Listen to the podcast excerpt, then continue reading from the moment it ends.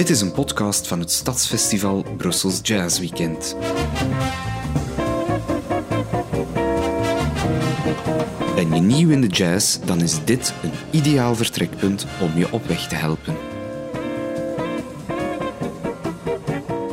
Welkom luisteraars bij een nieuwe podcast. Mijn naam is Ellen Leemans. In een vorige podcast nam Frederik Goossens mij op ontdekkingstocht in de jazz. De ideale partner om ons verder wegwijs te maken. Frederik, in de vorige podcast noemde jij het jaartal 1917 als de start van de jazz. En ik zie hier naast ons een intrigerend voorwerp staan dat ons helemaal katapulteert naar dat jaartal. Vertel eens, wat hebben wij hier bij ons? Ja, het is jammer dat er geen beelden bij zijn. Inderdaad. Ik heb eh, een oude grammofoon meegenomen, eh, want het is van dit soort dingen dat we het natuurlijk moeten hebben. Hè. We- Het is, als we in de jazz duiken, het enige wat we hebben zijn die oude opnames als, als referentie. En eh, je hebt daarnet gezegd 1917, het, de start van de jazz niet helemaal juist natuurlijk. Die, die muziek bestond al langer dan dat. dat. Dat is een muziek die al eh, als, als een soort underground of, of een soort folkmuziek eh, langer bestond. Maar in 1917 werd die voor het eerst ook op de plaat vastgelegd. Ja. En dat waren toen oude grammofoonplaten, oude 78 toerenplaten. Eh, dat ken je misschien wel nog, hè? Die, die, die harde bakkelieten, zeggen mensen, eh, platen. hè. Ja, Ik heb- we heb- horen dat geluid hier. ja, ik heb er hier eentje bij. Eh, eigenlijk geen bakkeliet. hè. Eh, die, die dingen zijn gemaakt van, van shellac, een materiaal dat shellac, Shellac. heet. Ja, het is, het is secretie van een kever. Die scheidt een soort eh, harsachtige substantie af. En als je die hars verwarmt, dan wordt die vloeibaar. En je kan dus die vloeibare shellac in een moele vatten. En laat je dat dan afkoelen, dan neemt dat de vorm van die moele aan. Het is iets wat de Egyptenaren al wisten. Hè. Je vindt in die, in die oude graven shellac-artefacten, beeldjes en zo. Eh, maar dus ideaal materiaal om ook muziek in te vatten. Om, om die geluidsgolven die door een naald in een plaat worden geregistreerd, om die te gaan reproduceren. Wie is daar ooit opgekomen? Ja, dat is nog eens een verhaal voor een andere, een andere podcast. Maar het zijn dus eh, van dit soort platen, die oude 78 toerenplaten, dat we, de, dat we het moeten eh, hebben. Ja. En we gaan dat straks horen. Dat is, dat is een trip in de tijd. Ja, dat- dat- dat- ongelooflijk. Je hebt daar het gekraak en, en het geruis van de naald die over de plaat eh, krast. Eh, ja, het is echt door de mist, de nevelen van de tijd dat je, dat je moet eh, gaan, gaan zoeken. En dat is voor sommige luisteraars, zeker vandaag, die gewoon zijn om in hi-fi kwaliteit te luisteren, hè, de, de beste definitie, natuurlijk wat een opgave. Hè. Je, je hebt niet die perfecte weergave. Eh, het klinkt allemaal ook nogal in het middengebied. Daar zitten geen zware bassen, de hoge tonen zijn wat af, afgesneden. Eh, maar het geeft natuurlijk wel heel veel charme. Ja, En eh, kijk, ik heb hier zo'n 78 toerenplaat bij. Het ziet er groot uit, hè? het ziet er best stevig uit. ook. Ja, hè? Het, het is, het is groter dan de CD in Ja. ieder geval. Dus ik verwacht dat daar wel wat muziek op kan. wat denk je? Ja, toch wel een heel aantal nummers zou ik denken. Misschien eh, vergelijkbaar met de CD. Ja, ja, ja, ja, dat zou je verwachten. Misschien zelfs meer. Eh, omdat het tegen 78 omwentelingen per minuut gaat, is het heel weinig. Het is ongeveer een drietal minuten.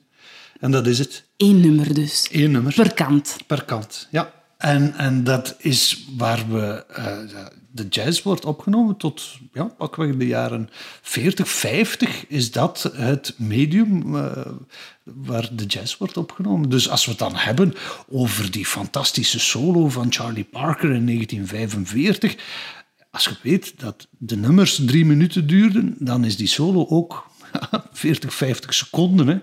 Dat, dat is ons referentiekader, min Ik, ik heb daar direct het beeld bij van artiesten die dan hun eigen creatie in iets moeten duwen wat eigenlijk veel te kort is. Een soort... Ja, Dat is toch een belemmering, een beperking? Ja, en sommigen hebben dat echt zo ervaren. Hè. De ambitieuze muzikanten, componisten ook van de jazz. Denk aan Duke Ellington, de grote big band leider.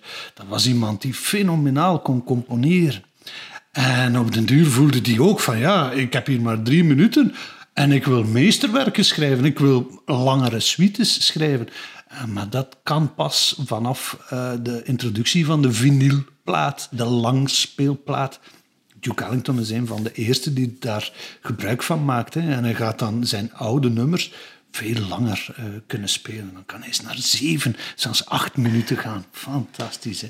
Zou dat, zou dat ook ehm, een invloed hebben gehad op de sfeer bij concerten? Want wat je dan hoort op zo'n plaat is helemaal anders dan de live versie op een concert. Ja, ja, dat moeten we ook altijd wel incalculeren. Hè? Dat we het nooit echt 100% kunnen gaan reconstrueren hoe het live gebracht is. Hè? Ja. Dat, ja. En ook eh, zo'n 78 toerenplaat, dat is opgenomen rechtstreeks op de moederplaat. Wat dus betekent dat je alles wat je speelt, staat daarop. Het is niet van, we gaan dat achteraf nog eens knippen en plakken en hier heb ik een verkeerde noot gespeeld, eh, dat doe ik wel nog eens eh, mooi opnieuw. Nee, wat je speelt, staat daarop. Ja. Vandaar Nog eens een beperking. ja, vandaar die, die allereerste opnames, als daar gesoleerd wordt, dan wisten die muzikanten al op voorhand min of meer waar ze naartoe wouden hè, en wat ze gingen spelen. Dus is dat improviseren? Mm, niet 100 procent. Dat is niet... eh, ja, dat is wat gepremediteerd. eh, al. Gaan we luisteren, Frederik? Ja, we gaan Ja, eens luisteren. ja. We, gaan, we gaan eens luisteren naar die allereerste jazzplaat. Dit is echt de allereerste jazzplaat in de geschiedenis. Wel, ook daar bestaat discussie over. Ehm, het is een plaat van de Original Dixieland Jazz Band. Dat zegt het al allemaal, hè? Hè, de- de- Original. Original, ja, in ieder geval. Zeker in die periode, het is zeer originele muziek. Het was voor sommige mensen die daar nog nooit van gehoord hebben, zelfs wat een, wat een, een shock. Het was chockerend. Wat, wat een lawaai horen wij nu. Maar voor anderen natuurlijk, vooral jonge mensen, die, die hoorden daar de klank van de toekomst. Hè. Dit was een breuk met alles wat daarvoor eh, gebeurde. Tevoren alles een klein beetje ja, gecomponeerd, wat muziek voor het hoofd en het, en het hart. Eh, maar dan plotseling muziek die naar de benen mikt. En alles wat onder de gordel zich bevindt. Eh, je kan je voorstellen, Ja. vanuit die Victoriaanse tijd, waar, waar vrouwen nog ingesnoerd zitten in corsetten en, en waar eh, mannen gechoqueerd zijn bij, met het minste stukje bloot vlees. dat er plotseling muziek is die uitnodigt om te dansen. Hè, die corsetten die afgaan, die rokken die naar boven gaan. Dat is een hele revolutie geweest. Ja. Niet alleen op muziek, maar op, op, op De alle- cultuur die daar eh, ja, mee samenhing. Ja, die toen heerste. Ja. Ehm, ik ga straks nog wat zeggen over de Original Dixieland Jazz Band. Maar ik stel voor dat we eerst eens luisteren. Ik wil jullie meenemen naar eh, de muziek die toen, rond die periode van de Eerste Wereldoorlog, te horen was. En waar mensen geregeld naar luisteren. Dit is nog geen jazzmuziek. Hè? Oké. Eh, maar we luisteren naar de Peerless Quartet, een barbershop quartet. Mannen die in harmonie samen met elkaar zingen. En hier, dit liedje is By the Campfire, bij het kampvuurtje. En daar zit ik te wachten op mijn liefje, terwijl eh, de, de, de, de vogeltjes fluiten en het beekje zachtjes in de achtergrond aan het kabbelen is. Ik zie het helemaal voor mij. Where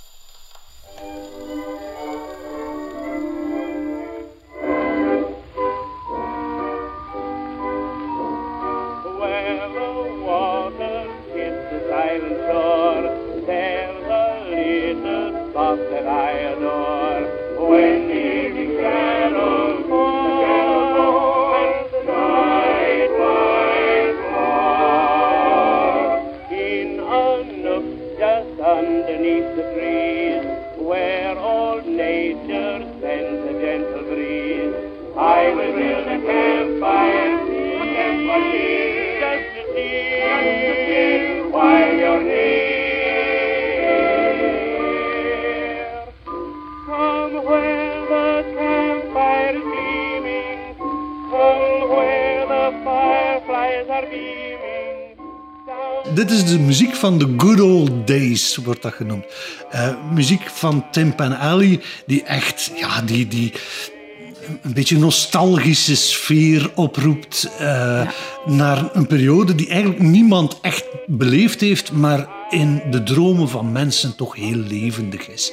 En je moet je ook voorstellen, Amerika was een, een natie van immigranten, hè, mensen die in hun leven ergens anders hebben moeten achterlaten om iets nieuws op te bouwen. En die nostalgie was heel erg levendig en de muziekindustrie speelde daarop in.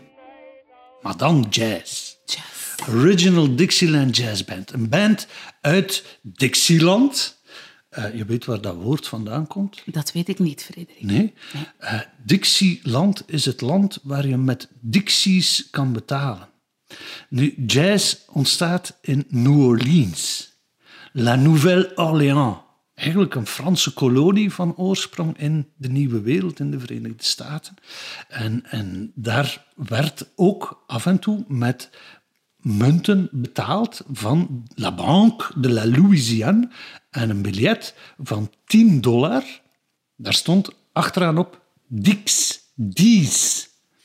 Dus als je in het land was waar je met dat soort biljetten kon betalen, met Dixies kon betalen, was je in Dixieland. Dus we zitten in het zuiden van de Verenigde Staten.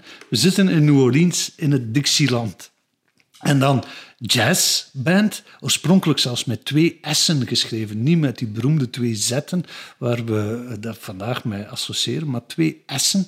Die zijn snel weggegaan omdat eh, ze erachter kwamen dat er grapjassen waren die de J wegdeden op affiches. En dan kom je met iets anders. Toen al? Ah, Oké. Een leuke anekdote vind ik dat. Ja. Ja, ook weer, ja, waar komt dat woord vandaan? Hè? ja. Er zijn natuurlijk honderden theorieën. Niemand weet het precies. Hoewel, er zijn een aantal taalkundigen die op zoek gegaan zijn naar wanneer is dat nu voor het eerst gebruikt, dat woord ook in, in, in literatuur of geschreven tekst. En ze vinden het, en dat is merkwaardig, in een tekst die een eh, sportjournalist schrijft na een baseballwedstrijd. En hij schrijft over de pitcher, dat is de man die de bal gooit. Eh, hij schrijft: He threw that ball with great jazz. Dus hij smeet die bal naar de batsman eh, met wat effect. Het traject dat die bal Ja. volgde was niet helemaal voorspelbaar. En dat is natuurlijk wat de, jazz ook was. Hè? Wat onvoorspelbaar, wat effect. En zo is dat woord ontstaan en een eigen leven gaan leiden. Ja, ja, want de jazzmuzikanten in New Orleans, de eerste, vooral zwarten, eh, die spraken niet over jazz. Hun muziek was rag, ragtime. Dat was de, de beroemde rage eh, in een, eh, op het eind van de 19e, begin 20e eeuw. Dat was de ragtime muziek. En wanneer je die ritmes van de ragtime speelt met een band, ja, ben je aan het raggen. Rag is een vod. Je bent een beetje de, de tempo aan het vervodden en ook de melodie. Je improviseert eigenlijk. Je Ja. speelt vanuit je eigen inspiratie. Eh, maar de original Dixieland Jazz Band was geen zwarte band, het was een blanke band. 1917, zwarten op plaat in het gesegregeerde Amerika, mm, dat was toen nog niet echt denkbaar. Ja, want we zitten in New Orleans, dus echt het zuiden. Ja, maar die opnames worden zelfs niet in New Orleans gemaakt. Er zijn eigenlijk heel weinig opnames die in New Orleans gemaakt worden, want het zuiden was, was wat achterstaand gebied. Hè. Dat, dat- was wat eh, over het hoofd gezien. Eh, de jazz is pas echt een rage geworden en een internationale eh, ja, muzikale beweging wanneer die muzikanten uit New Orleans wegtrekken en naar het noorden trekken langs de Mississippi eerst in Chicago terechtkomen. En de original Dixieland Jazz Band maakte een eerste opnames in New York. Dat was natuurlijk het culturele centrum van de Verenigde Staten. Dus opnames in New York, niet New Orleans, door blanken, geen zwarten. En toch is het de eerste jazzopname. Dit is de original Dixieland Jazz Band.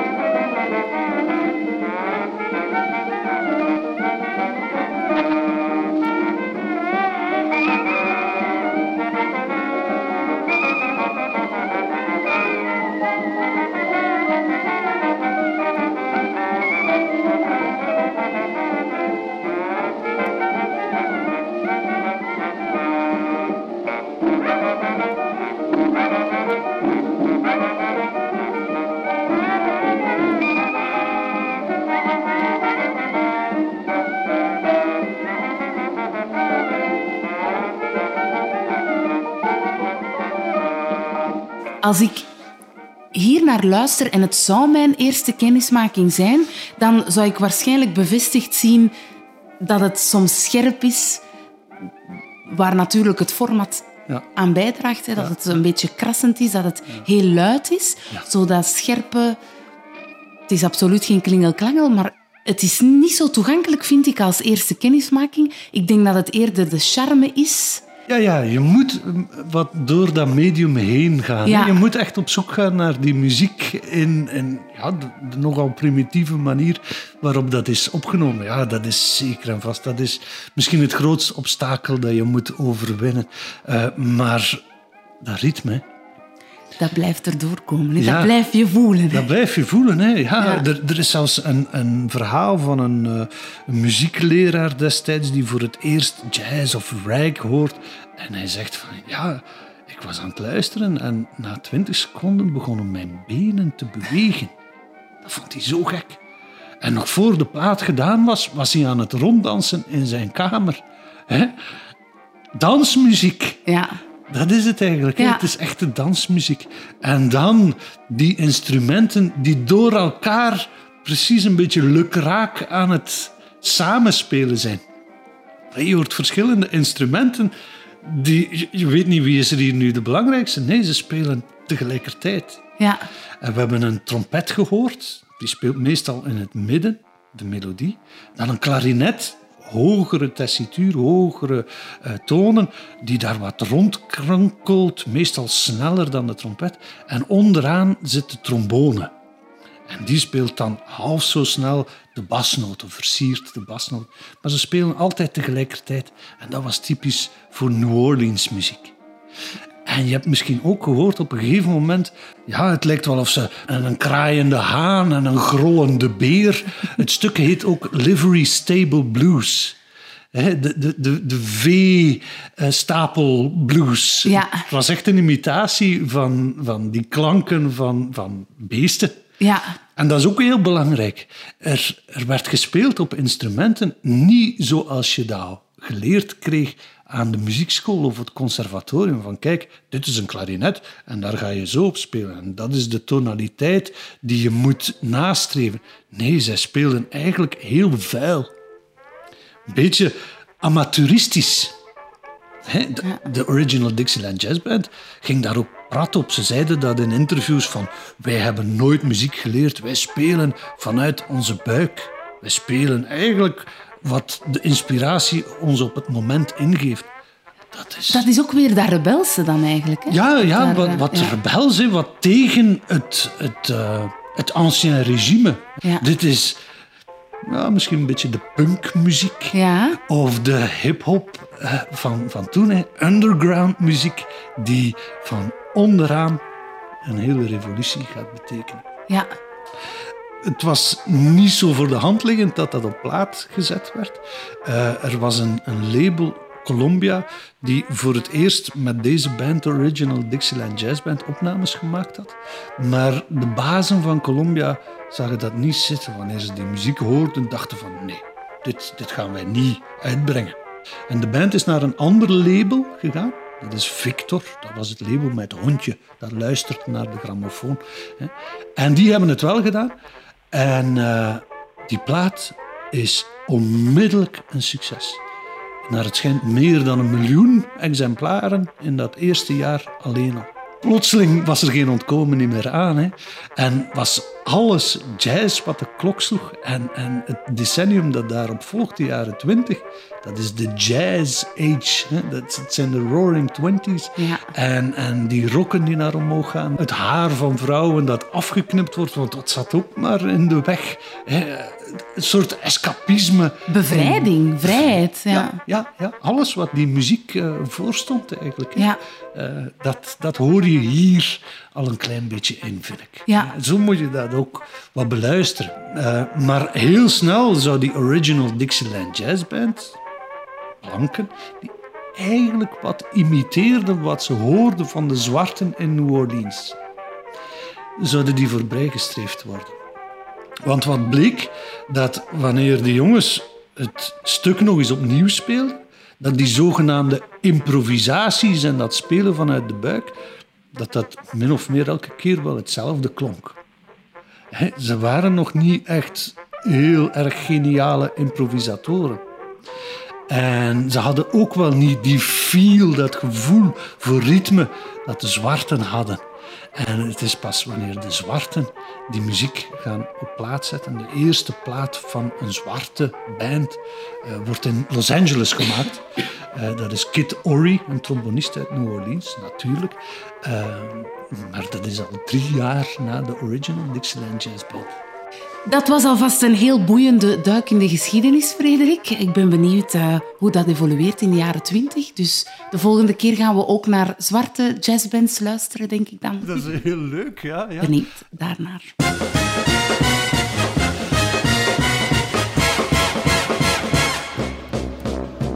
U luisterde naar een podcast van het Stadsfestival Brussels Jazz Weekend.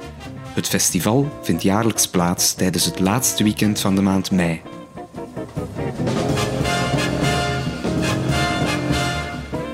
Tijdens het Brussels Jazz Weekend heeft elk plein zijn eigen muzikale identiteit.